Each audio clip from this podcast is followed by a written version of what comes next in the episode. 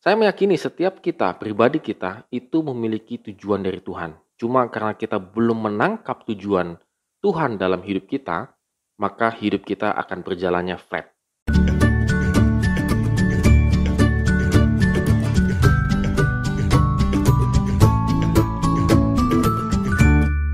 Morning Go Traders, hari ini kita akan kembali memulai hidup ini dengan penuh semangat dan juga penuh dengan optimis bersama dengan Tuhan.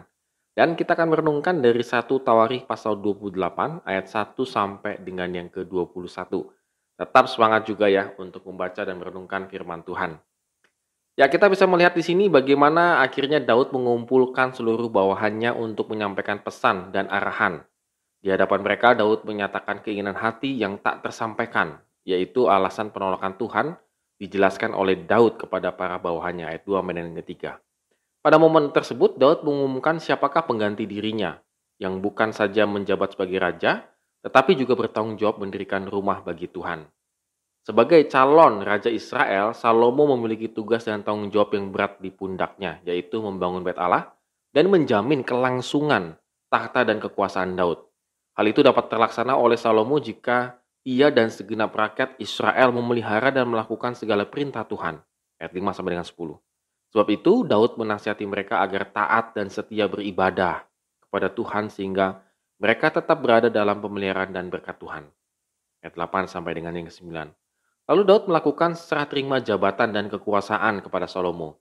Rancangan bangun bait, suci dan segala materi dari emas dan perak yang dibutuhkan untuk segala perkakas bait suci diberikan kepada Salomo. Sebagai penutup, Daud menguatkan Salomo yang masih muda untuk berteguh hati sebab Tuhan akan menyertai Salomo. Ayat 20-21.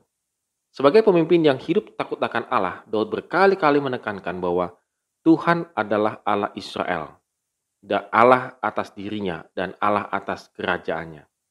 Jadi dengan penekanan ini Daud memotivasi Salomo dan bangsanya untuk menjaga relasi dan kesetiaan kepada Tuhan.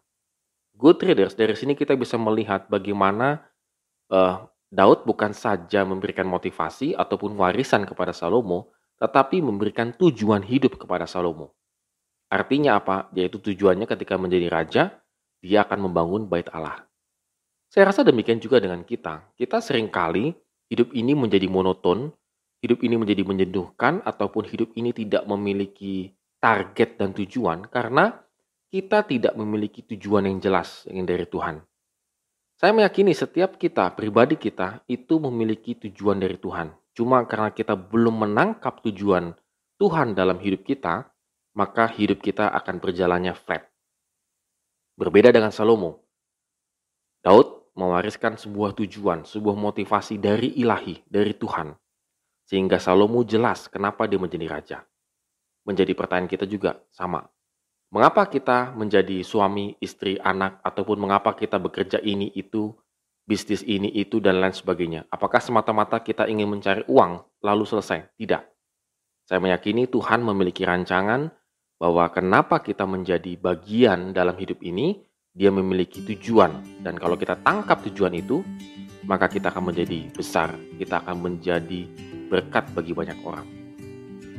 Mari kita renungkan firman Tuhan pada hari ini supaya kita mengetahui tujuan hidup kita di dalam Tuhan.